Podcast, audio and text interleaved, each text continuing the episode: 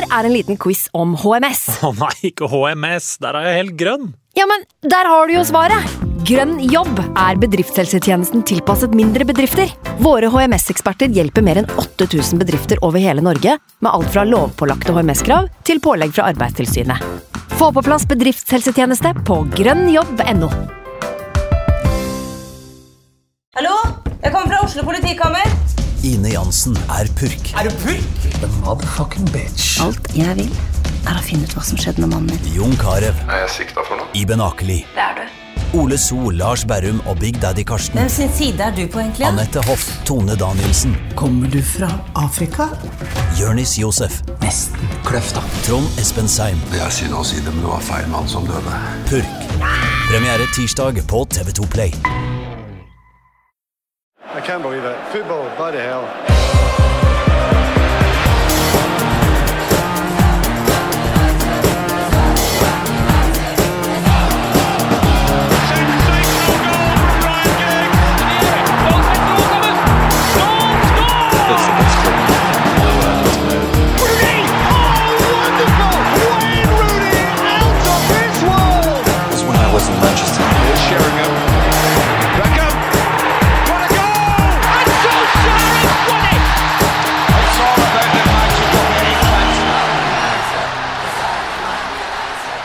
Velkommen skal du være til en ny utgave av United We Podcast. Jeg heter Ken Vasenius Nilsen, og i dag så har jeg med meg Øyvind Eide fra NTG, vår mann på kampanalyser og taktikk. Velkommen skal du være, Øyvind. Tusen takk. Gleder oss til å gå gjennom Spurs-kampen sammen med deg og se om eh, du kan gi oss noen svar på hvorfor United var så forbaska gode i andre omgang, f.eks. Men ikke, eh, ikke foregripe begivenhetene. Sitt helt stille i- i båten foreløpig til jeg har introdusert Jonas eh, Giæver, fotballjournalist og fotballtvitrer.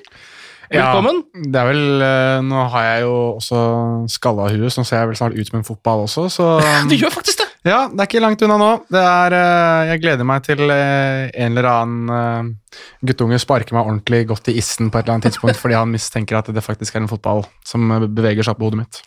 Du jo, eh, følger jo veldig med på spansk fotball. Vi tenkte vi skulle snakke litt om Granada, som jo venter er neste motstander for United. eh, Litt sånn etter hvert. Men vi begynner med eh, Spurs Manchester United på eh, Tottenham Hotspur eh, Stadium. Det er vel ikke egentlig sånn, sånn kjempemye som skjer før et veldig mye omtalt øyeblikk etter 33 minutter. Hvor Scott McTominay fører ballen mot Spurs sin 16-meter. Eh, får armen til sånn, kjenner den vel så vidt i brystet, prøver å vifte den bort, ser det ut som, og smekker den rett i jeg vet ikke om det er øyet han treffer, eller i hvert fall et eller annet sted i fjeset og sånn. Eh, sånn går jo eh, rett ned, han. Eh, rett i dørken av det slaget der. United ender opp med å score. Paul Pogba, som får ballen, står og tråkker litt på den og avventer litt. Kavani stikker, han spiller på han. Kavani skårer og feirer selvfølgelig som om han har avgjort VM-finalen i det 96. minutt, akkurat som det skal være når Edison Kavani skårer. Og målet blir annullert. Eh, hva tenker dere om annulleringen? Det jo, eh, har jo vært eh, delte meninger om det der. Hva tenker du, Øyvind? Første gang du så det? Jeg skjønner jo ingenting, egentlig. Min, min personlige mening er jo at det er eh, Sånne ting foregår jo ganske mye ute på en fotballbane. Mm. Både med og uten ballen. Eh, sånne type dueller. Så det for meg veldig, veldig sånn synd at det skal avgjøres eh, i avgjørende situasjoner på sånne ting. Samtidig så ser jeg jo at de som er dommere, de mener jo at det er et, et frispark der. Ja. Så da må vel jeg mene at regelverket er feil, da. Men, uh... Ja, men da, da begynner man jo å lure om det er en slags sånn diskrepans mellom uh, oss som er glade i fotball, og de som prøver å utøve dømminga, da, rett og slett. At vi egentlig ikke er helt enige om hvordan det burde være. Ja, og det, det kan godt hende. Men uh, for min del så syns jeg det der blir Vi ser andre situasjoner òg hvor, hvor armer går opp i ansiktet på spillere hvor det ikke gjøres noen ting. Og det, det er det som kanskje er utfordringa, at det ikke er Det det er ikke nok eh, konsistent dømming da, på disse tinga. Mm. Det, det blir for ulikt fra kamp til kamp, og jeg tror det er det som plager supportere. da. Hvis vi hadde visst at hver gang noen får en finger i ansiktet, så hadde det blitt dømt, eh, så tror jeg ikke vi hadde reagert på samme måte. For da er, da er det på en måte en sånn standard som er lagt. Ja. Men nå er det veldig sånn personavhengig. Ja, eh, Det kokte jo ganske bra på Twitter etter den situasjonen der også, Jonas. Mm. Hva tenkte du selv? Ehm, det jeg tenker har vært forbeholdt VAR, av det som VAR på en måte kommet inn for, er jo å ta de tingene som er clear and obvious. Det er jo begrepene som har blitt brukt mange ganger. Clear and obvious, clear and obvious, clear and obvious. Og Er den situasjonen det er clear and obvious, tenker jeg. Det er det jeg blir sittende igjen og lure på. Altså, Jeg skjønner jo at uh, hvis du har en pro Manchester United-feed, så vil du alltid se folk som er imot ting når du går imot United. Ja. Hvis du har en veldig anti-United-feed, så vil de mene at dette er helt rett. Så det er jo litt sånn øye som ser og øre som hører. Men det jeg sitter igjen med objektivt sett, er jo er den om det hadde blitt dømt scoring, er det en clear and obvious feil på den armen til McTominay i ansiktet på Som? Det er jeg ikke helt sikker på. Og det er der liksom jeg føler at uh, det er et slags sånn hva skal jeg kalle det for noe sånn skillingspunkt. da, At man må bestemme seg for hva, er, hva går inn under clear and obvious. Mm. For jeg kan ikke se at den der er at det vært kriminelt feil ikke dømme frispark der, uansett om det hadde vært uh, på 40 meter eller innenfor boks, eller hvor enn det hadde vært dem. Altså, det, er ikke det er ikke en situasjon som i, i situasjonens natur er uh, veldig, veldig uh, stor, da, i, i mine øyne. Så jeg, jeg mener at det er et frispark, ja. Altså, det er et frispark, men det er ikke sånn at jeg, jeg tenker at her er det bare å, å legge ned dommerstammen hvis man ikke blåser frispark på det heller. Mm. Så, så nei, jeg, jeg synes um, Og der, har, der har jeg, føler jeg at Europa da, og, og Uefa-turneringer, og i stor grad i hvert fall i Spania og Italia, som er de ligaene jeg ser mest på, litt Tyskland nå, føler at de har klart å skille disse tingene i langt større grad enn i England. Ja. For der skal man bare bruke var, for var er der. Ja. Og Det, ja, det, det, er, det er påfallende, derfor jeg har også sett en del eh, både La Liga og Serie A, og jeg, jeg har en eller annen følelse av at det får det til mye bedre der. Jeg Ja. klarer ikke å sette helt fingeren på hva det er, men jeg sitter veldig sjelden med den følelsen jeg har når jeg ser på Premier League og VAR kommer inn i bildet, fordi da er det veldig ofte sånn at man rett og slett bare eh, gjør sånn som eh, Mike Phelan gjorde på benken til Manchester United, altså bare lener seg tilbake og gir opp hele verden, på en måte, fordi man Ja. ikke klarer å skjønne det. Men jeg skjønner jo irritasjonen, da. Altså, jeg, jeg skjønner, jeg, altså, dette her er jo noe som har pågått hele den sesongen her nå, og vel egentlig i stor grad forrige sesong òg, hvordan VAR har kommet inn, og hvordan det brukes feil altså i Premier League, og at det virker ikke som det er noen som så ikke det blir en lang VAR-debatt, da, men altså, hvordan man ikke har klart å, å komme med noen form for uh, endring eller no, noen retningslinje for hvordan dommerne skal benytte seg av det. For det virker ikke som om de er sikre på bruken av det, de heller. Nei. Og det, og det syns jeg er rart. Mm. Det synes jeg er rart når du har klart å benytte deg av det i et VM-sluttspill. Du kommer til å bruke det i EM-sluttspill nå, du har brukt det i kvinnenes VM-sluttspill. Man har brukt det i Champions League, Europa League, i hvert fall i sluttspillsrundene, og i andre ligaer med suksess. Det eneste stedet det ikke fungerer, er England. Mm. Hvorfor det? ja, hvorfor det?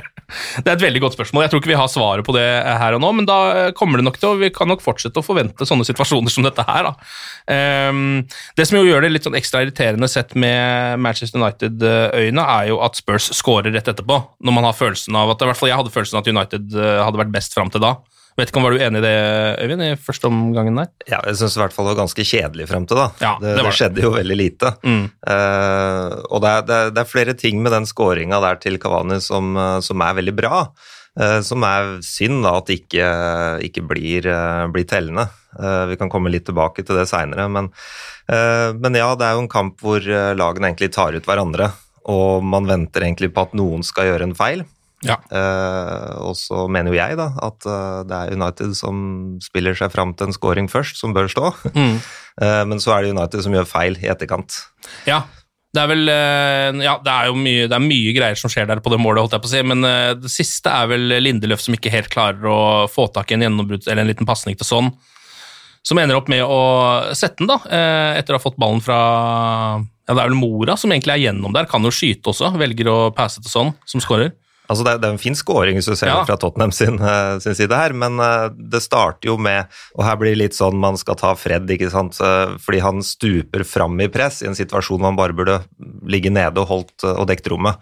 For Pogba på sin venstre side er jo allerede oppe i press, og så går Fred også ut av leddet og åpner jo kjemperom. Ja. Og da er, det, da er Tottenham gode nok dit at de trer igjennom, og så blir det jo noen følgefeil der med Van Bissaka som ikke er tett nok på Kane, og så Lindelöf som ikke greier å treffe ballen, og så kunne Rashford vært nede på yttersida og dekt eh, sånn der òg, så eh, det blir mange ting, men Rashford er aldri nede på utesida der og Ja, sånn. det ikke sånn.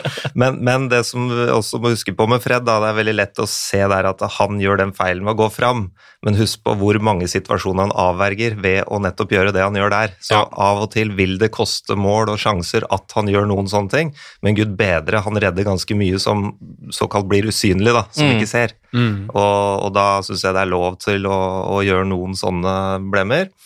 Eh, Jeg tror han går ganske greit i pluss i løpet av en sesong. Ja, ikke sant. Um, men det, det, det kampforløpet vi ser i første omgang, er i hvert fall lenge, det litt kjedelige, det som peker mot en eh, klassisk 0-0, egentlig, det har vi jo sett veldig mange ganger i, ganger i de der såkalte storkampene for Manchester United. altså Alltid når de skal møte et eh, sterkt lag, sånn som ja, Tottenham borte, da, så virker kampene litt sånn, og det har jo ofte blitt 0-0 også. Hva er det som egentlig rent sånn taktisk skjer i de kampene? Hvorfor øh, blir den dansen så forbanna litt underholdende? Det var egentlig ganske godt bilde på det den kampen her, syns jeg, som gjenspeiler litt enn en del av de andre oppgjørene, hvor eh, midtbanen til Tottenham markerer egentlig midtbanen til United. Eh, United de eh, har balanse når de angriper, dvs. Si at de går ikke like høyt med bekkene, de står med hele midtbanen sin, sånn at eh, Tottenham ikke får det kontringsspillet sitt i gang. Så Ja. det er ikke noe rom for Kane å droppe ned, det er ikke noe rom for kantene å løpe inn bak bekkene. Og da, da står du på en måte der, da, og, og venter på at noen skal prøve å få til noe, at noen kan trylle. Veldig ofte så vil eh, sånne kamper løses opp litt ved at eh, noen skårer et mål, selvfølgelig, Ja. eh, som da ofte kommer på en dødball, eller ved at noen gjør feil, sånn som det United gjorde i det tilfellet her, da. Mm. Eh, og da har du på en måte en match gående, men så lenge det er sånn det står der, og det, det var veldig lite sjanser, det skjedde jo veldig lite, eh, men når skåringa kommer, da begynner på en måte sjakkspillet. Da må Mm. noen gjøre noe grep. Eh, Mourinho gjorde det første grepet, han valgte å legge hele laget sitt veldig lavt. Det er et klassisk Mourinho-grep. Sjokk. Ja, for det, det, det var et spørsmål jeg ville stille til Øyvind. Uh, Mourinho er jo, har vært kjent for å være en taktiker av rang i de store kampene.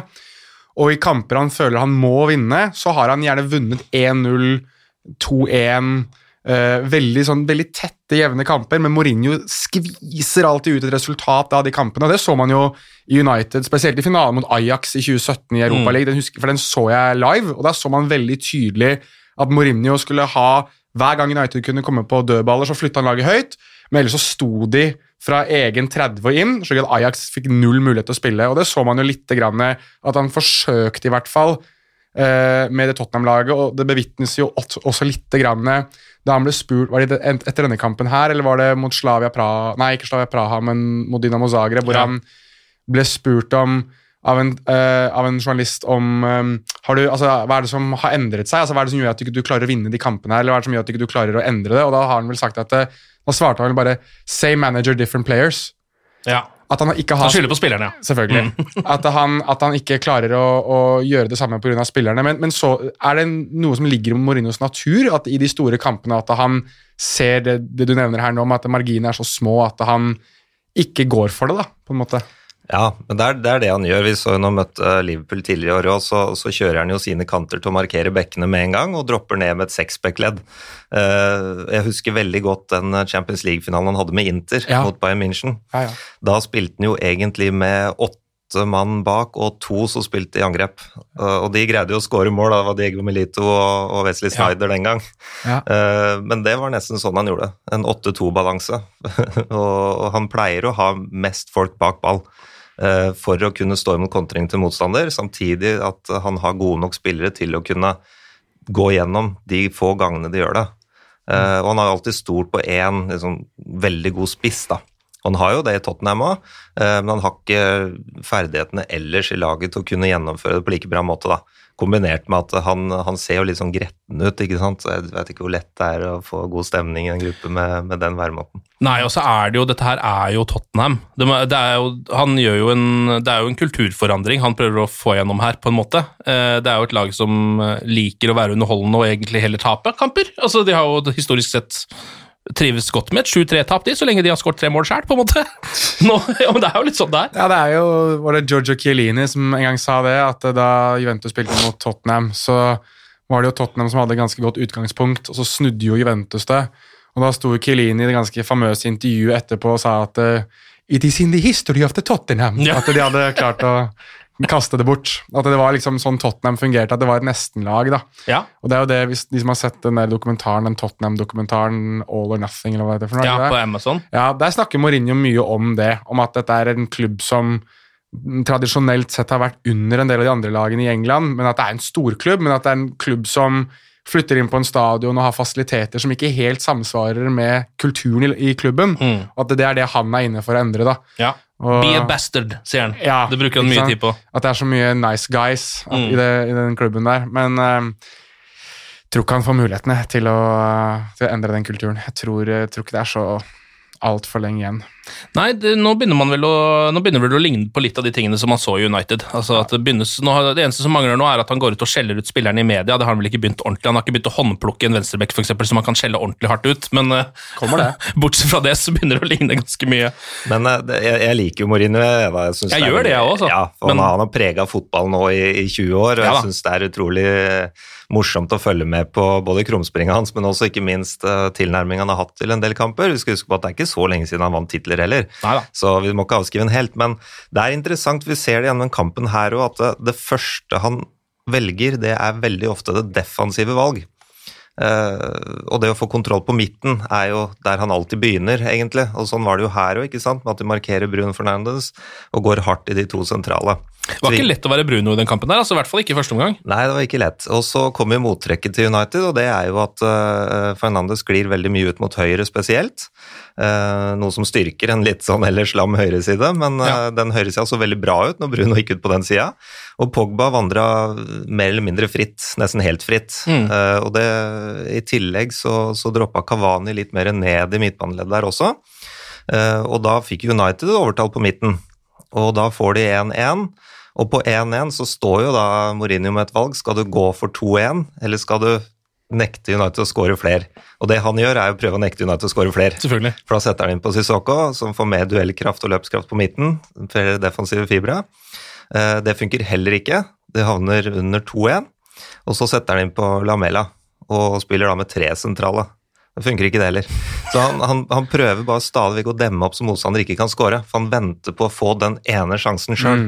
Det, Ja. det er det han bygger mye av spillet sitt på. Han gjør jo det, og det her er jo eh, altså det, Nå skal det jo sies at det kunne vel, han kunne jo lett ha truffet her også, fordi de tar jo faktisk ledelsen, selv om de er heldige som gjør det. Så han kunne jo lett ha truffet på kampplanen sin også, da. Eh, nå ble det jo ikke sånn i det hele tatt, men nå har det jo vært en tendens også i Tottenham at de har ledet ganske mange kamper og klart å drite seg ut mot slutten, mens hos Manchester United så er det jo helt omvendt. Det er jo liksom comeback-kongene i, i ligaen, så man så vel kanskje litt dette utfallet komme etter hvert, eller? eller altså, det var ikke helt eh, var ikke helt ut av det blå heller at United snudde den matchen. Nei, det, men det er to ting som skjer. da. Det, det ene er jo at eh, Tottenham gir jo fra seg initiativet helt frivillig. Altså De legger seg helt flate og sier vær så god, nå kan dere få lov til å prøve så mye dere vil eh, på 1-0. Eh, og så går vi inn til pause, egentlig uten at det skjer så veldig mye mer. De kommer litt mer med inn mot slutten av første omgang, men det er først og fremst noen endringer jeg tipper de gjør i, i pausa. Det der med å, å flytte på, på Fernandes og Pogba spesielt, eh, og få bekkene litt høyere, som, eh, som skaper kjempetrøbbel for, for Tottenham. Og, og da har ikke Mourinho noe spesielt mottrekk på det. Han prøver å stå så lenge han kan med det han har, men så blir det fort 1-1, da, og da Ja. begynner de defensive trekkene hans å komme. Men jeg er jo egentlig litt imponert av jeg vet ikke hva du tenker, Jonas, men av den andre omgangen til Manchester United. fordi mot slutten av første omgang, så uh, pga. det annullerte målet og litt sånn diverse, så begynner de å surne ordentlig hardt, altså. Flere av de som både Pogba og Bruno har noen sånne etterslengere der som er litt sånn, ja, helt på kanten til å kanskje kunne bli noe mer enn gult også. Ja, men Det virker som de får en form for samling i bånn der òg. At de, de bestemmer seg litt for Og det er jo det som jeg tror f.eks. typer som Fernandes og, og Cavani spesielt bringer til det laget her, er litt sånn Ok, nå må vi ut der og faktisk vise oss litt. Altså, Vi kan ikke være kjent med det her. Altså, det, Dette er noe som en kulturendring som de to ene og alene tidvis står for United, spesielt Fernandes. da. Men jeg ser det også mer og mer i Cavani, at det, det går litt på stoltheten løs hos han når ikke, når ikke ting fungerer. da. Um, og det er jo noe som jeg tror gjør at det er særs viktigere for United å faktisk signere han for en sesong til, fordi at han er med på det å og, og ikke bare endre hvordan de spiller på banen, men at de faktisk har en registrert nummer ni, som er en ganske klassisk nier i, i bevegelse inni boks. Han gir også veldig mye. Han er jo flere ganger blitt- betraktet som den beste defensive spissen i verden, i det at Ja. han tar veldig mange av de der tunge løpene bakover, selv i en alder av 34. Han gjør veldig mye for et lag. Um, men det han også gjør utenfor banen, tror jeg er enda viktigere i det at han, han er en stjerne som på en måte også bidrar i, i endringen av klubben om hvordan den er som væremåte. da. Og det, og det ser vi jo at f.eks. Paul Pogba lar seg påvirke av, altså i positiv forstand. da. Og det har alltid vært min kjepphest rundt Paul Pogba at jeg tror ikke han er en leder. Altså Jeg tror ikke han er en lederfigur, men jeg tror at når han har mennesker rundt seg som dytter han litt framover, og som kanskje sparker han litt i rumpa og som maser litt på han, så tror jeg det går en faen i han òg. Da tror jeg han har lyst til å levere. Og, det, og i den kampen her, spesielt i den andre omgangen, så ser man det, for det er det er vanskelig å argumentere at det finnes en bedre komplett midtbanespiller i verden enn Paul Pogba når han bestemmer seg for å gjøre en del av de tingene han gjør i den andre omgangen. Mm. Det mener jeg virkelig. Hva tenker du om eh, Edison Cavani, Øyvind, som Uniteds eh, nier? Nå er jo Martial ute sannsynligvis resten av sesongen, så det kommer nok til å være Cavani som skal spille eh, det meste av de store kampene inn mot slutten av sesongen. Men ville du ha beholdt han der? Gir han nok for Manchester United synes du, til å være en spiss å satse på også neste sesong? Jeg har håper å si, vært forelska i Kavani i veldig mange år. Han, eh, han har utrolig mange gode kvaliteter. Eh, og det at Marcial er skada resten av sesongen, det tenker jeg at det gjør ikke noe. Eh, for da kan Kavani faktisk få lov til å spille. Mm. Og så slipper Solskjær å tenke på om han skal rullere i noen andre. Det er ikke noe poeng nå. Nå er det bare å stå og løpe med de spillerne han har der. Eh, Kavani har den egenskapen som egentlig ingen andre United-spillere har, og det er at han skårer de måla fra 11 meter og inn. Ja.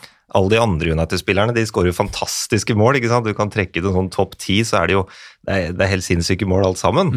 Eh, men du trenger spillere som skårer de enkle. Mm. De som veit hvor ballen kommer om ett sekund. Eh, vi ser det jo på den skåringa til Fred, eh, hvor, eh, hvor Kavani beveger seg ut fra stopperen og bak ryggen på Aurier, som har vært ute av ledd i Mm. halvannet sekund, ikke sant? så er Kavani allerede på plass. Og da annullerte målet også, så har han jo en veldig lur liten bevegelse Ikke sant? Der og inn bak ryggen på, på Dyer er det vel der. Og det, han, han greier å utnytte de øyeblikkene når forsvarerne ser på ball. Det er nesten så han ser når forsvarerne ser på ball, så går han. Ja. I stedet for å se på ball sjøl. For da, da, da greier ikke forsvarerne å henge med. Og det, er- det er litt de tinga der, da. Det, det har ikke Marcial, og nå er han 25-26 år. Jeg tror ikke han kommer til å få det heller. Nei. Han er en helt annen type spiller. Ja.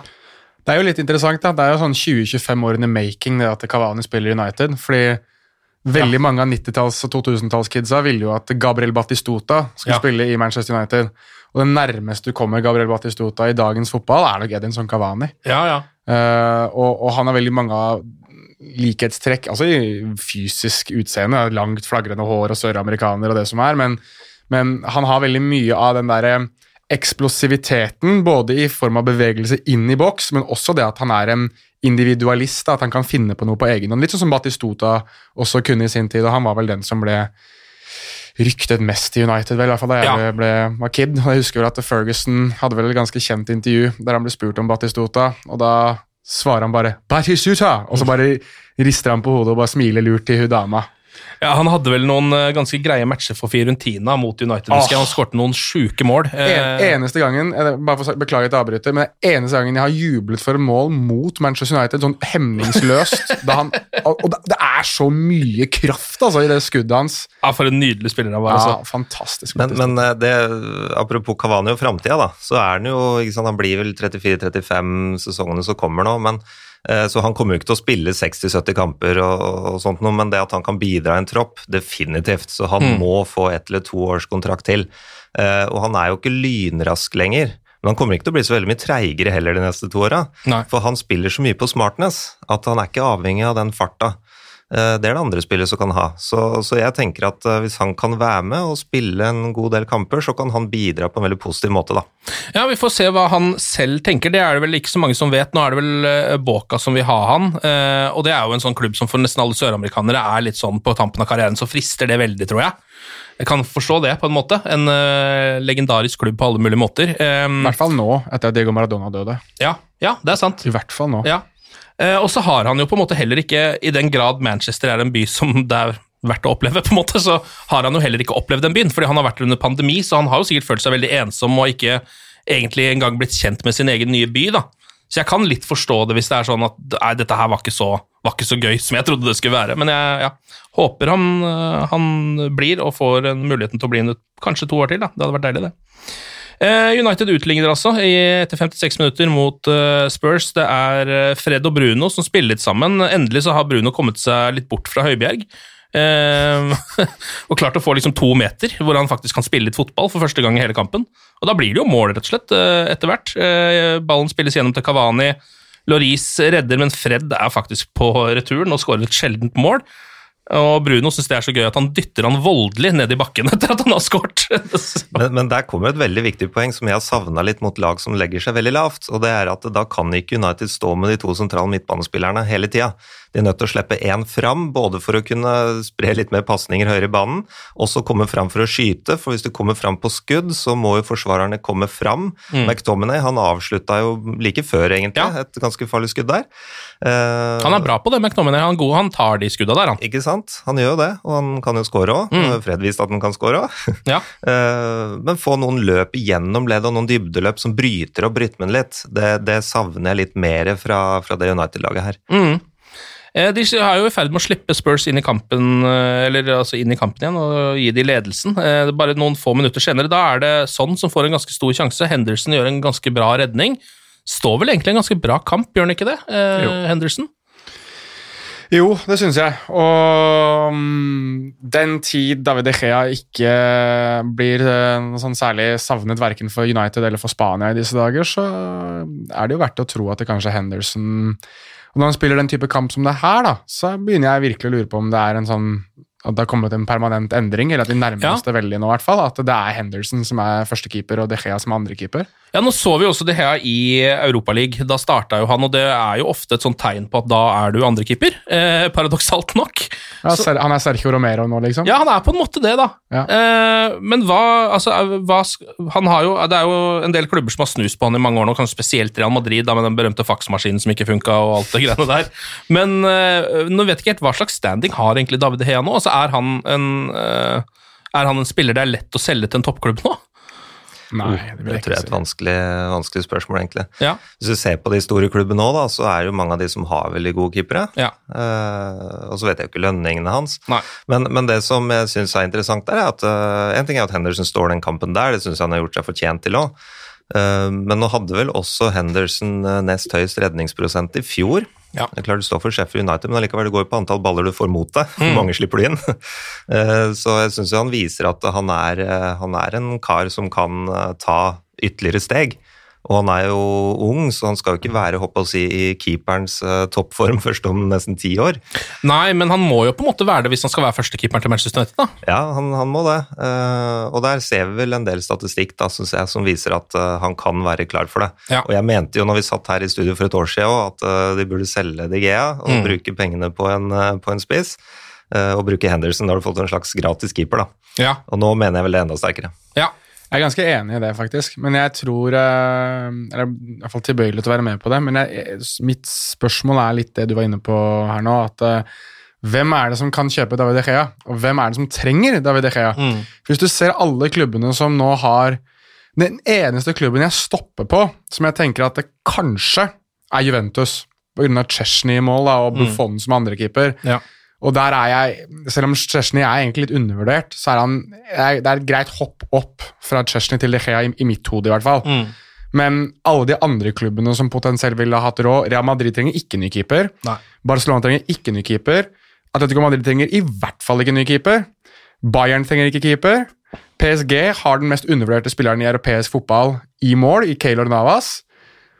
Og der stopper liksom de klubbene jeg tenker at kan ha råd til David De Gea. da. Ja. Hvis ikke du skal selge han internt i England, da. Da, da er det jo kanskje Arsenal som ville potensielt Selv om jeg syns Leno er undervurdert òg, men jeg tenker at De Gea er bedre enn det òg. Og ja, kanskje Chelsea, da. Men jeg vil igjen, da. Jeg syns Mendy er eh, Han er ikke like god som De Gea, men han er eh, kurant keeper, han, altså, Ja. synes jeg. Så med, mindre du skal selge internt i England, og det tror jeg ikke United har lyst til å gjøre, og det tror jeg egentlig ikke De Gea har lyst til å gjøre heller. Jeg tror når De Gea han har fått barn, eller skal få barn, Han har vel nettopp fått det. ja, og da tror jeg han ville foretrukket å dra tilbake igjen til Spania eller til litt sydligere strøk, men det er ingen av klubbene der som trenger han, da. Nei, det er jo, han havna, havna i en litt merkelig situasjon, for det kom jo også altså, bitte lite grann brått på han, tror jeg. Han dro jo hjem på en slags pappaperm.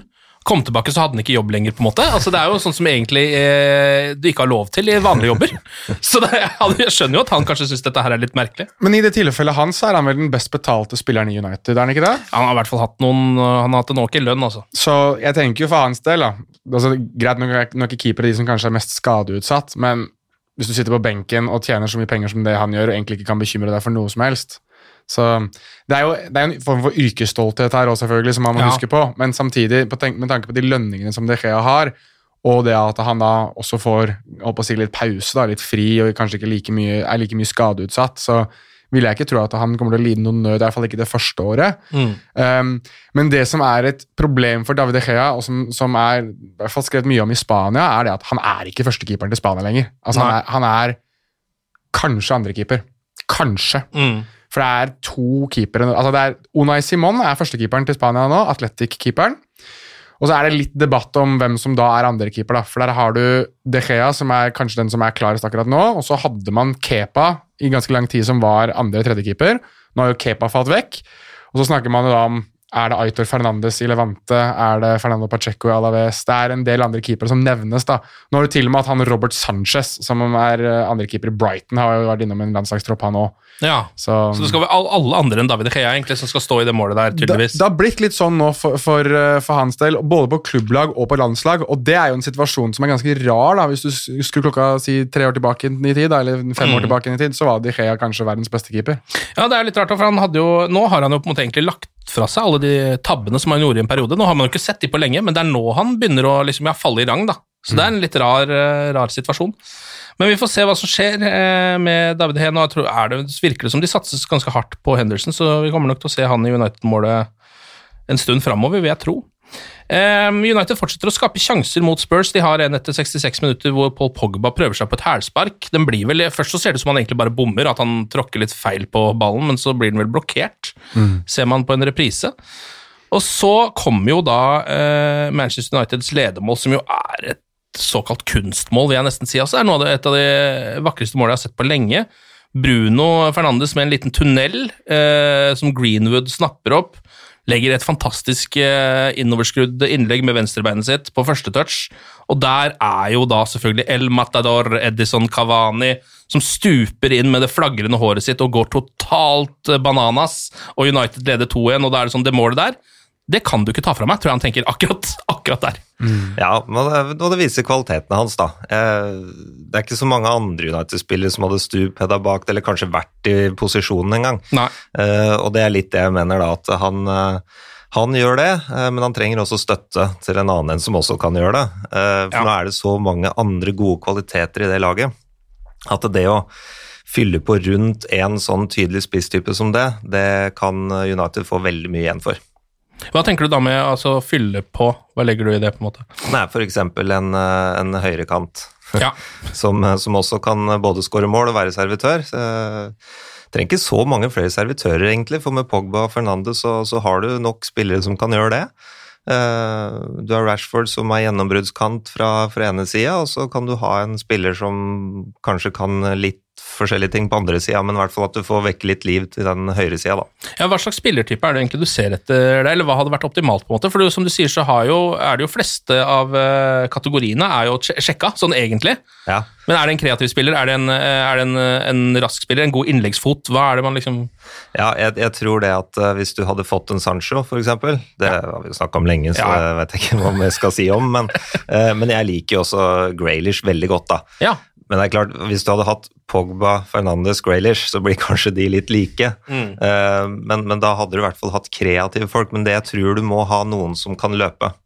Ja. Uh, for med Pogba og Fernandes, de kommer sikkert til å spille, så må de ha noen å slå på. Mm. Eh, Så da trenger de flere alternativer enn en møtende Kavani eller en eh, stikkende Rashford. De må ha en spiller som også kan utfordre sånn som eh, Rashford, eh, men som også kan, kan løpe inn i, inn i bakrommet og også være litt for innlegg og sånne ting. Ja. Altså en, en Bale for eksempel for fire år siden, det hadde vært helt Ja. perfekt. ja.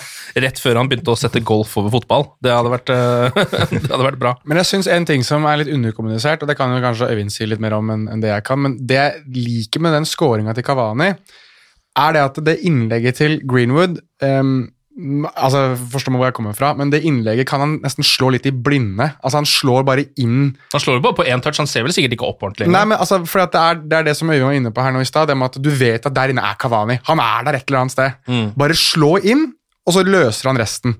Det syns jeg er det, det den scoringa der beviser, da, hvor klinisk og hvor viktig en sånn spiller som Kavani er.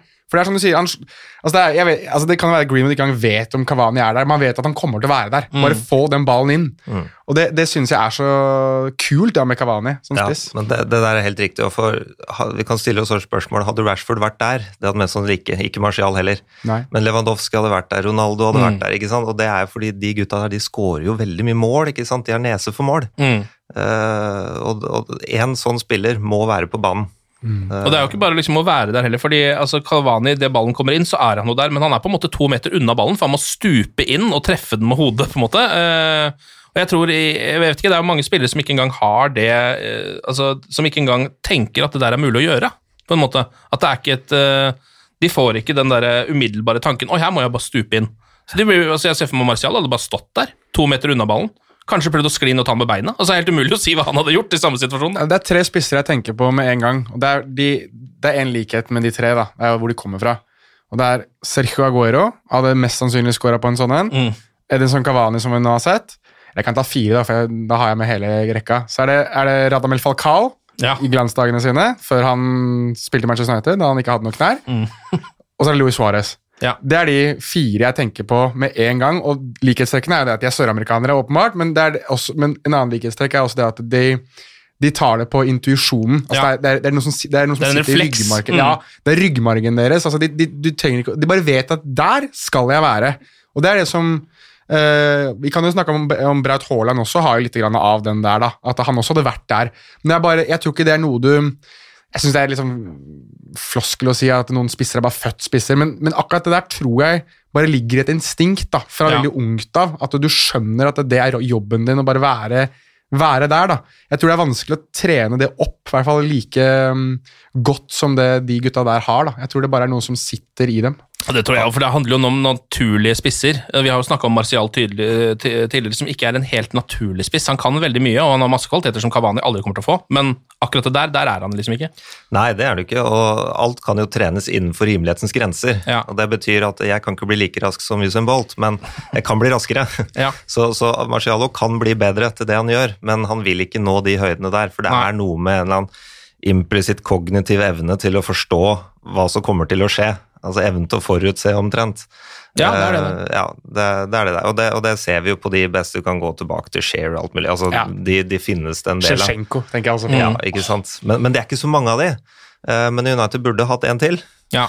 Det er klart det er mange de, mange de skulle hatt, men eh, det, det, det tvinger seg fram, tror jeg. De er nødt til å ha den typiske goalgetteren. De som scorer eh, det målet som ikke gir noe børspoeng. ja. Men eh, Rashford scorer børspoengmål av det Fernandes òg, ikke sant? Men du trenger de som bare kan tuppe den inn fra to meter. og ja. Så hvis Cavani ikke skulle gå med på å være i United noe lenger, da, hvis han går nå, så sliter de faktisk litt. fordi da, har, ja, da er det en, en spillertype som det ikke finnes så mange av på markedet, som de rett og slett mangler.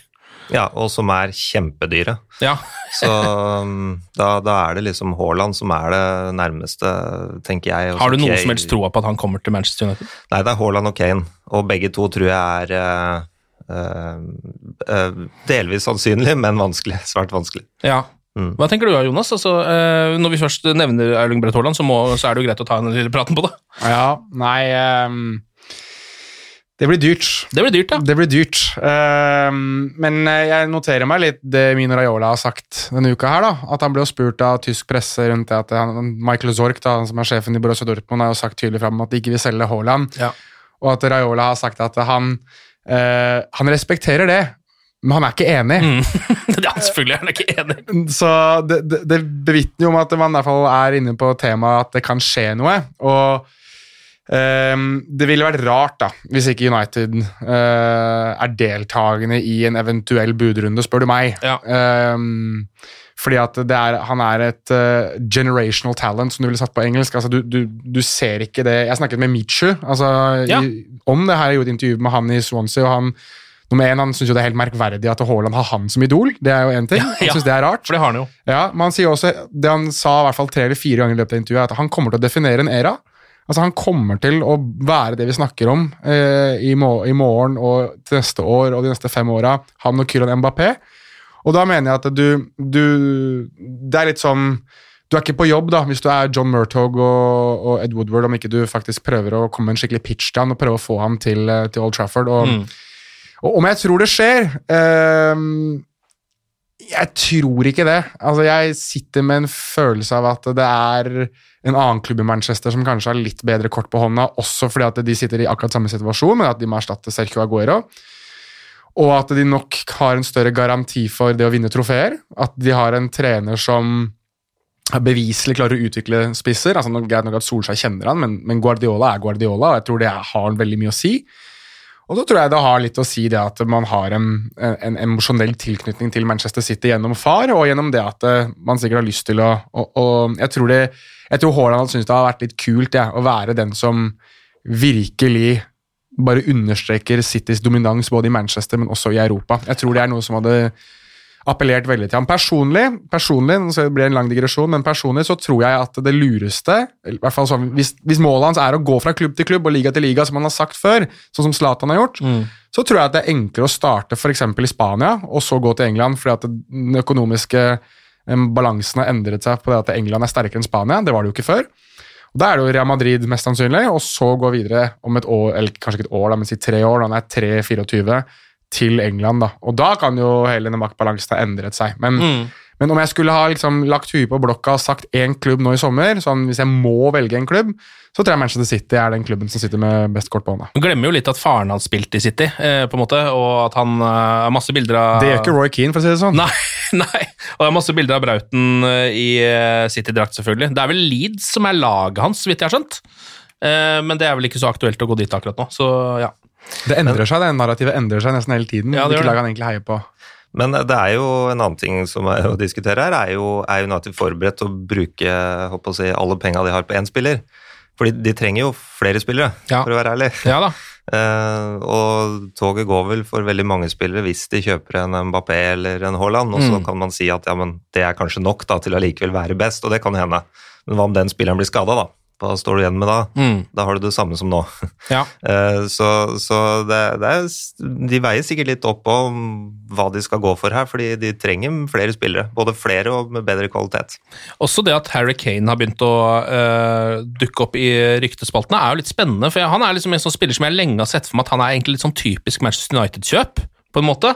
Altså Både det at han spiller for en type Tottenham-klubb og har gjort det i mange år, da, så han er på en måte det er jo på overtid, Den store overgangen hans er jo allerede litt på overtid. på en måte. Han har allerede begynt å bli en, liksom, han er en verdensklassespiller litt, begynner å liksom i sin prime. da, på en måte. Det er litt rart at han fortsatt spiller i Tottenham. Eller sånn Graham Sunes sa vel, at, eh, eller var det Roy Keane som sa det, at det er litt nå eller aldri. Altså, Ja. Hvis han skal forlate Tottenham, så er det vel denne sommeren her, eller så må han egentlig bare ta til takke med å være i Tottenham. Ja. Ta til takke, det høres veldig slemt ut, da, men altså at han Jo, men han er jo en spiller som er bedre enn, altså, ja, bedre enn klubben sin. han må burde ha vunnet flere trofeer enn det han har gjort i løpet av sin det karriere. kan man Det, er vel det man kanskje kan si, da. Er, og, og det kommer han kanskje ikke til å gjøre i Tottenham. Uh, så hvis, Jeg sammenligner litt med Robin van Persie, jeg, da. Mm. Det er litt sånn Robin van Persie-ish i det at han var Han bar jo det Arsenal-laget på skuldrene sine, litt sånn som Kane bærer jo Tottenham på sine skuldre. Så vant jo Robin van Persie strengt tatt en, en Premier League-tittel egenhendig nesten for Manchester United den sesongen. Ja. Og så var det ikke så veldig mye mer etter det. Nei, Så, men det var det han var kjøpt for, på en måte også, så det var greit, det. ja, men Han hadde et år igjen av kontrakten sin og kostet betraktelig mindre enn det Kane kommer til å gjøre. For her snakker man altså I engelsk presse så nevnes det 200 millioner pund. Ja. Bruke så mye penger på Harry Kane, som også er skadeutsatt det, jeg, er ikke jeg er ikke den som har det, de økonomiske ansvaret i Manchester United, men jeg tror liksom ikke at eh, økonomene og de som sitter med revisorer og sånn, sitter liksom og, og syns det er kjempegøy i en pandemitid og skulle liksom forke ut 200 millioner eh, Ikke at man betaler alt på en gang, men at man skal liksom klare å skissere opp en seksårsplan på hvordan man skal betale Tottenham 200 millioner pund for Harry Kane. Ja. Nei, eh, det, ja, det blir veldig spennende. det her nå. United skal jo være bedre stilt enn man trodde før det overgangsvinduet som kommer nå. Så det skal være noen muskler som man kan eh, prøve å få tak i noen spillere der. altså Det kan bli veldig spennende. Eh, etter 95 minutter mot eh, Tottenham så avgjør United kampen. Eh, det er Paul Pogba som uh, dribler et par mann i sånn klassisk Pogba-stil med litt sånn lange, slentrende finter. Eh, og så eh, gir han ballen til Greenwood. Han drar en liten, eller ikke bare en liten, eller han eh, dribler rett og slett eh, Regulon ut i pølsebua og bare setter han knallhardt i nærmeste. Og da er det 3-1 som blir sluttresultatet. Eh, United med nok et comeback. Nok en gang et comeback på bortebane. Det begynner jo å bli helt sånn altså, ja, Vi har sett det her så mange ganger denne sesongen her at det, de hadde jo ligget på nedre halvdel av tabellen hvis, tatt, hvis det bare hadde vært til pause. på en måte. Så det må skjerpe seg litt i, i første omgang, men ellers er det greit, det. United er nå um, på andreplass, da. Eh, 63 poeng på 31 kamper. De har syv seriekamper igjen av sesongen. 11 poeng bak City, da. Én kamp mindre spilt. 9 poeng foran Chelsea på femteplass. Så um, da er det vel på en måte litt sånn at man begynner å se konturene av uh, hvordan denne sesongen kommer til å ende. Ja, og konturene kanskje av hvordan neste sesong kan uh, bli. Ja. For nå har de vel spist inn 15-20 poeng omtrent på City. Mm. Uh, det er veldig bra, men uh, det vi ser, da, det er jo at de beste laga, eller de laga som vinner serien, de har ofte tre til fem uavgjort, tre til fem tap, og slipper inn mindre enn 38 mål. Ja. Og der er jo ikke United nå. De har vel ni uavgjort uh, allerede nå, og de har vel 34 innslupne på 31 kamper. Mm.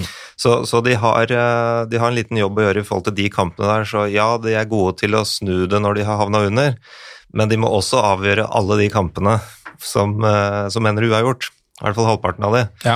Uh, og det er en jobb å gjøre. Og det går ikke bare på å skåre flere mål, for de har jo skåret nest flest i, i serien nå. Uh, men det går også på å rett og slett nekte mål imot. Mm. Uh, og det er, det er litt tilbake igjen på spillekjøp. Altså de, de trenger forsterkninger i det backleddet. Hvis dette her skulle bli Premier League-tabellen, da, altså at United skal komme på en andreplass, det blir nok sannsynligvis sånn, Manchester City kommer til å vinne. Hva vil du liksom si om, om Solskjærs sesong da? Veldig bra. Ja. ja eh, utrolig bra. Og så vil noen si at ja, men Liverpool var dårlig. De var, hadde uflaks og fikk skader og masse ting. Men det, så, sånn er jo verden, da. Men jeg syns det har vært veldig bra. Det har vært jevn, god stigning egentlig siden den første down-perioden han hadde, etter at han signerte kontrakta. Så syns jeg egentlig at stigninga har vært ganske bra. Mm. Og han har fått tid også, da, fra klubben til å bruke noen overgangsvinduer. Det har vært avgjørende, men de har også fått satt spillet sitt i større grad. Jeg syns det flyter bedre nå jevnt over enn det det gjorde før. Da kunne det lugge fryktelig mye i lengre perioder. Jeg syns ikke vi ser de periodene like mye nå, og det er større gjenkjennelse i måten de spiller på.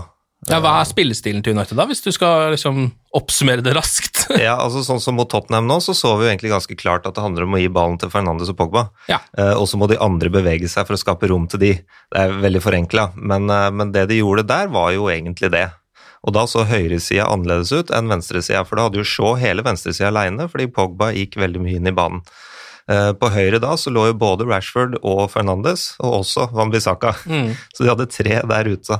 Men sånn i hovedtrekk så handler det om at kantene skal komme inn, enten som spiss, true bakrom eller i mellomrom. Og få bekkene til å komme rundt. Og der er Shaw selvfølgelig den beste. Van Bissaka mangler ganske mye på det, syns jeg, til å være Ja. en offensiv bidragsyter der. Ja. Så det er jo det offensive grunnspillet. Utover det så handler det om å la spillerne spille det, det systemet. Defensivt så er det enda enklere. Der går det på uh, å være utrolig trange rundt ballfører.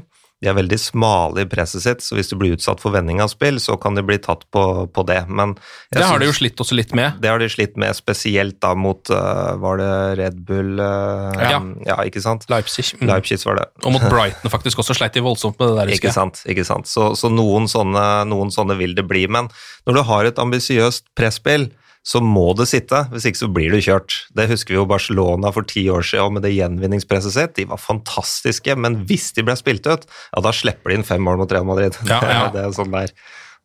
Jeg husker du spilte mot eh, Bayern München. Da, den der ene semifinalen det året der Bayern München med Jupp Heinkes Da, de møtte, da snakker man om at Tikki Taka var død Ja. pga. det høye presspillet. Og det er vel det er flere lag som har bevist det. da, at Hvis du, ikke, hvis du spiller et høyt press uten å på en måte eh, være strukturert og disiplinert i måten du presser på høyt, så, og at du har et overtall rundt ballfører, altså motstanders ballfører, så, og du blir tatt på vending av spill altså Jeg husker ehm, Kroatia, VM i, eh, nå i 2018, de var, de var så ekstremt gode på det å vende spillet. Der, der vant de nesten et VM, altså, kun på det at de hadde Marcelo Brozovic, som lå bak Ivan Rakitic og Luka Modric. Og det at de kunne vende spillet fra høyre, høyre til venstre med to pasninger hele tiden. De fikk flytta lag, de bare på å stå og flytte mellom Rakitic, Modric og Brozovic.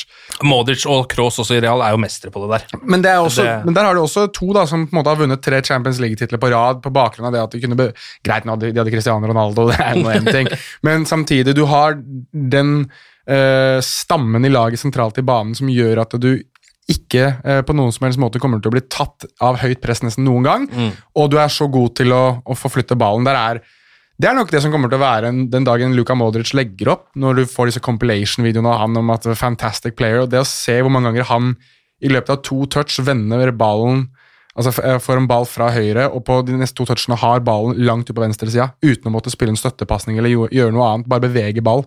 Der er Luka Modric øh, det blir, Jeg vet ikke hvorfor vi snakker om Luka Modric i greit, men, men altså, når det kommer til det med spillvendinger, da, så jeg, blir jeg, jeg blir litt sånn gira på å prate om det. For jeg synes det var et lag jeg, jeg prøvde litt sånn amatørisk å analysere. Da. Og da, da, jeg kom alltid tilbake til det. At det å vende spillet fra høyre til venstre, det er, eh, det er vant til nesten et VM. Ja. Eh, og det er en av svakhetene til Manchester United, så vi får håpe at eh, de lagene ikke møtes med det aller første. Kroatia United, nei? Kroatia United, eller Real United. Ehm, ok, men det kan fortsatt bli et trofé da, for Ole Gunnar Solskjær denne sesongen. her. Eh, det er jo returoppgjøret mot Granada på Old Trafford nå på torsdag klokka ni i kvartfinalen i Europaligaen. De har jo et veldig godt utgangspunkt, da. Jeg vet ikke ehm, Kan ikke du fortelle oss litt om Granada, Jonas? Du som følger med på spansk fotball. Altså, Denne Den sesongen her har vel vært helt sånn eksepsjonell for, for den lille klubben, så vidt jeg har skjønt? Ja, dette her er jo en eventyrhistorie. Eh, Granada for noen år siden husker man jo som en klubb som var ganske sånn parodi. Da. De hadde Tony Adams som trener, som sto og dansa på treningsfeltet og ble egentlig piska rundt av det som var. De var jo eid av Pozzo-familien, som også eide Udinese og Watford, var en del av det konglomeratet der, og var egentlig en ganske sånn dårlig, teit klubb som egentlig aldri ble verdt i La Liga. Um, men siden så har de fått nye eiere, og de har den mest spennende treneren i, i spansk fotball, Diego Martinez, som er tidligere vært med som assistent i, i Sevilla, er um, enormt spennende. De hadde en, en, en um, eh, sesong i fjor som var helt enestående, i det at de kvalifiserte seg til Europa League og, og, og spilte en fotball som var veldig proaktiv, med høyt press, med veldig mye av det som Sevilla er kjent for, da, med det å, å, å være veldig ballbesittende, men samtidig også giftige i angrepsspillet sitt. Og Denne sesongen her så hadde jo i hvert fall vi noen shameless plug i, i podkasten La Liga Loca. Vi hadde jo sagt at um, når de skal spille Europa på toppen av det å være i ligaen, så kommer dette her til å bli for mye for en klubb som ikke er vant med det. Men der har de gjort oss alle til skamme. ved det at De, de har jo klart å, å kombinere det. Det har de gjort gjennom veldig smarte spillekjøp, gjennom å få en større bredde i troppen, og det å være tro til seg selv og tro til egen spillestil. De har aldri, Når det har uh, dabba litt av, så har de alltid holdt seg til de, de, de tankene og den spillestilen de har ønsket å gjøre. Det er som regel 4-2-3-1, hvor de da bytter litt på hvem som er, er spissen. Noen ganger så spiller de med to spisser òg, men men veldig mye med, med Jorge Molina eller Roberto Soldado, som til sammen er 117 år gamle. De er jo eldgamle begge to, men de er, eh, de er noen ordentlige veteraner. Og så har de veldig mye spennende i f.eks. Yangel Herrera på midtbanen, som jeg tror vi kommer til å se i en større klubb veldig snart. Han er vel tror fremdeles han er Manchester City-eiendom. David Machis også, de er jo to venezuelanere som er eh, helt enormt gode. Og så har de da spesielt Maxim Gonalons da, på midten, som jeg syns har litt, gått litt under radaren i det å være en stabilisator på midtbanen deres. Så det er, Mm. og så har de jo da, for å gå inn på, vi nevnte han i stad, de har jo også Luis Suárez. Ikke den Luis Suárez, men den andre Luis Suárez. Um, og har litt på sånn generell grunnlag eh, sett veldig gode ut. De kom jo nå fra en 2-1-seier hvor de da, litt sånn som United, snudde i andre omgang og, og vant eh, kampen mot Valladolid. Mm. Um, har vært utsatt for mye skader, og de har vel vært den klubben som har hatt størst uhell også med, med covid-19. De, Ja. de hadde jo et tidspunkt i hvor de tror det var borte mot Real Sociedad, hvor de hadde så mange spillere ute med covid-19 at de spilte nesten med juniorlaget sitt. Eh, Ja. De fikk jo, de tapte så det sang, men eh, de måtte stille lag. Um, og, og det var Det er jo en regel i Spania, så jeg ikke går langt inn på det, men du, kunne ikke ha, du kan kun ha så og så mange juniorspillere, så de måtte jo spille med spillere som var sånn halvskadde og sånn også, fordi at de, de, det er en dum regel i Spania som gjør at du, du må ha så og så mange A-lagsspillere i en tropp osv. Så, videre. så Ja, men dette her, altså, fordi det var snakk om at den eh, kampen som var mot United da, eh, første eh, kampen, Ja. At det var liksom den største kampen i klubbens historie. Det er riktig. Og det stemmer, eller? Det er riktig. Ja. Nei, ja, definitivt. Altså, det å spille kvartfinale i Europaligaen er jo Altså, det skal jo ikke gå an for Granada sin del. Altså, det er ikke en klubb som har historikk i det hele tatt når det kommer til å spille i Europa. Altså, Nei. det at de er der de er nå, det er Altså, det er så enormt imponerende, da. Og, og øhm, jeg, tror, jeg tror knapt de skjønner det selv. Du så jo det at du, når United-bussen kjørte igjen, så var det Mike Phelan vel som sto og filma det at det var jo folkefest. Til tross for at det er jo covid-19-utbrudd også i Spania. så Det var liksom folk ute i gatene, og, og det som er så trist, er at de får ikke vært på tribunen på, på Nuevo Los Carmenes for å få sett eh, disse oppgjørene her, men, men det er jo eh, helt enormt at de har klart å komme seg dit de har kommet, med tanke på den historien de har. da. At Mm. de, de, som sagt, For et par år siden så var de hele Spanias parodiklubb, og det var liksom Hva faen er det de holder på med, liksom? Altså, det var alle, liksom Hele spilletroppen, tre fjerdedeler av spilletroppen var lånt inn, liksom. Det var, det var um, Odunigalo var jo også innom der på et tidspunkt, så det er liksom det er, um, nei, det, er- det er en klubb som, som har hatt en helomvending nå de siste par årene, og som nå, nå um, De kommer nok til å ha et, en knekk på et tidspunkt, for det er veldig tydelig eller veldig vanlig i Spania at klubber som det her er litt sånn opp- og ned-klubber, men, men det virker som de har lagt et fundament i bånn som de kan bygge på de neste par årene, og det er veldig mye takket være Diego Martinez, treneren deres. Nå er det jo da eh, ikke så mange lag igjen av denne Europaligaen, så vi kan jo, det begynner liksom å utkrystallisere seg noen favoritter her. Eh, Men du må, det- huske, du må huske en ting som er viktig. da. Ja. Det her er jo, alle snakker om at det her er, at dette her er kjørt, for United vant 2-0. Husk at United vant også 1-0 borte mot Celta Vigo på Balaidos i 2016-2017-sesongen, da United vant Europaligaen. Ja. Der var John Guidetti ett sleivspark fra å sende Ja. Celta Vigo videre. altså. ja, jeg husker det. Så det er på ingen måte sånn at man Jeg tror ikke Granada kommer ikke til å være, for å være statister i det oppgjøret her på Old Trafford. altså. Nei, det var, litt- var litt skuffende på hjemmebane, faktisk. Jeg husker jeg. Det så ikke ut som det var den største kampen i lagets historie, akkurat på det som foregikk på banen. Eh, men det kan jo rett og slett bare ha vært kvalitetsforskjellen også, det er vanskelig å si. Nå er det jo da Slavia Praha og Arsenal, via Real, Dinamo Zagreb, Roma og Ajax, i tillegg da til United og Granada. Så det er vel ikke noe tvil om at Manchester United er favoritter til å vinne Europaligaen. Ehm, så da får vi jo se, da, hvis eh, Solskjær kommer ut av denne sesongen her med en annenplass og et europaligatrofé, så har han jo gardert alt det beste Mourinho i hvert fall gjorde i klubben, så er jo det en god start, tenker jeg. Ja, Gjentar historien seg da? Ja, vi får se. det er litt ulike personligheter, så det er ikke sikkert at det blir akkurat på samme måte. Men United har blitt trukket allerede hvem de møter i neste, er det ikke det? Jo, det har kanskje det. Det har jeg ikke sett på det der oppsettet, eh, så det vet jeg faktisk ikke. Hvem, om, altså om de møter vinneren av Slavia Praha Arsenal, eller hvordan Jeg kan jo sjekke det veldig kjapt hvis, Ja. hvis dere prater videre. Hvis du er god på sånt, så kan du ta en kjapp sjekk. Journalist, jeg vet du, så jeg klarer å finne ut av det. Ja, det er veldig bra. Eh, ok, nei, men det Det bør vel altså sånn, Som du sier, eh, Jonas, så en 2-0-ledelse det er ikke noe å bare sitte og kose seg med, men eh, Det var en Men- farlig ledelse, var det ikke det Arne Skeie sa?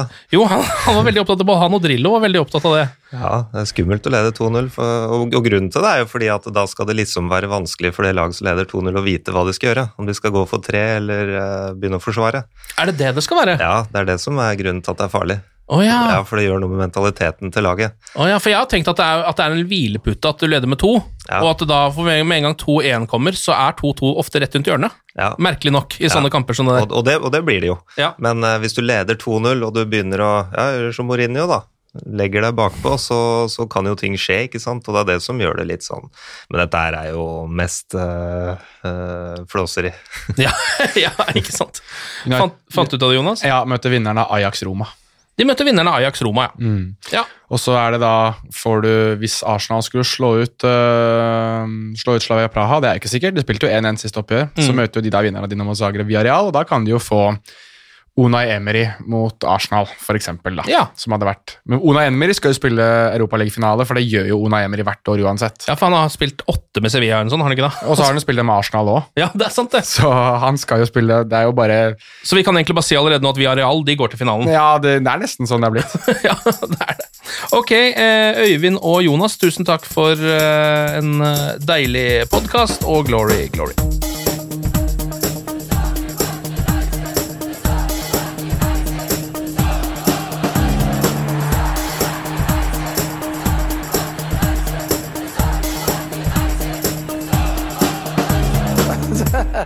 Oh, it's true.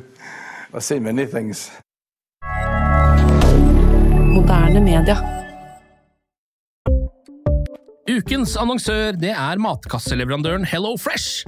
Der kan du velge mellom 25 ulike oppskrifter hver uke, eller få Hello Fresh til å sette sammen en meny for deg. Jeg sparer tid på å handle, oppskriftene er veldig enkle å lage, og så får jeg akkurat det jeg trenger da, til hver eneste rett, så jeg slipper å kaste så mye mat som jeg vanligvis gjør. Det er også litt deilig å faktisk slippe å gå på butikken, ikke bare fordi det er tidkrevende, og sånn, men fordi man ender opp med å kjøpe så mye greier som man egentlig ikke trenger, sånn som fire poser eh, Smash og en kick med havsalt, eksempel. Det er ikke det du egentlig er der for, du er der for å kjøpe, kjøpe middag. Så det er en veldig eh, kjekk ting. I tillegg så er det jo eh, ferdigporsjonerte ingredienser, det blir mindre matsvinn, og du betaler bare for det du faktisk trenger, og det du faktisk da spiser. I tillegg så blir det da levert på døra til et fastsatt tidspunkt, sånn at du kan få det akkurat når det passer for deg eh, sjæl. Hvis Hello Fresh høres ut som noe for deg, så har jeg en rabattkode du kan bruke også. Gå inn på hellofresh.no og bruk koden HelloUnited24. HelloUnited i ett ord, også 24, og få opptil 1779 kroner i rabatt på de fem første matkassene dine hvis du ikke har prøvd Hello Fresh ennå. Du kan også bruke koden hvis du tidligere har vært kunde, men har stoppa abonnementet ditt for tolv måneder siden eller mer. Det er ingen bindingstid, og du kan pause eller avslutte abonnementet ditt akkurat når du selv måtte ønske. Husk koden HelloUnited24, og bon appétit! Ukens annonsør er Folio, en smartere banktjeneste for deg som har en egen bedrift eller ønsker å starte for deg selv. Folio er en superenkel nettbank for bedrifter. Som kunde i Folio får du en bedriftskonto med et bedriftskort og app. I denne appen er det smarte løsninger som forenkler regnskapet ditt, uansett om du har en liten bedrift eller et enkeltpersonsforetak. Folio er både intuitivt og brukervennlig, og er laget med et enkelt språk. I tillegg tilbyr de forutsigbare priser og ingen skjulte gebyrer. Skulle du likevel trenge det, så kan du snakke med deres raske og hyggelige kundeservice, og der får du prate med en faktisk person og ikke en chatbot. Folio er med andre ord både enklere og koseligere enn banken. Over 10 000 bedrifter har allerede valgt Folio som sin banktjeneste, så besøk folio.no og se hvordan Folio kan forenkle din hverdag også. Har du et enkeltpersonforetak eller en liten bedrift? Da er du sikkert lei av å høre meg snakke om hvor enkelt det er med kvitteringer og bilag i fiken, så vi gir oss her, vi. Fordi vi liker enkelt. Fiken superenkelt regnskap.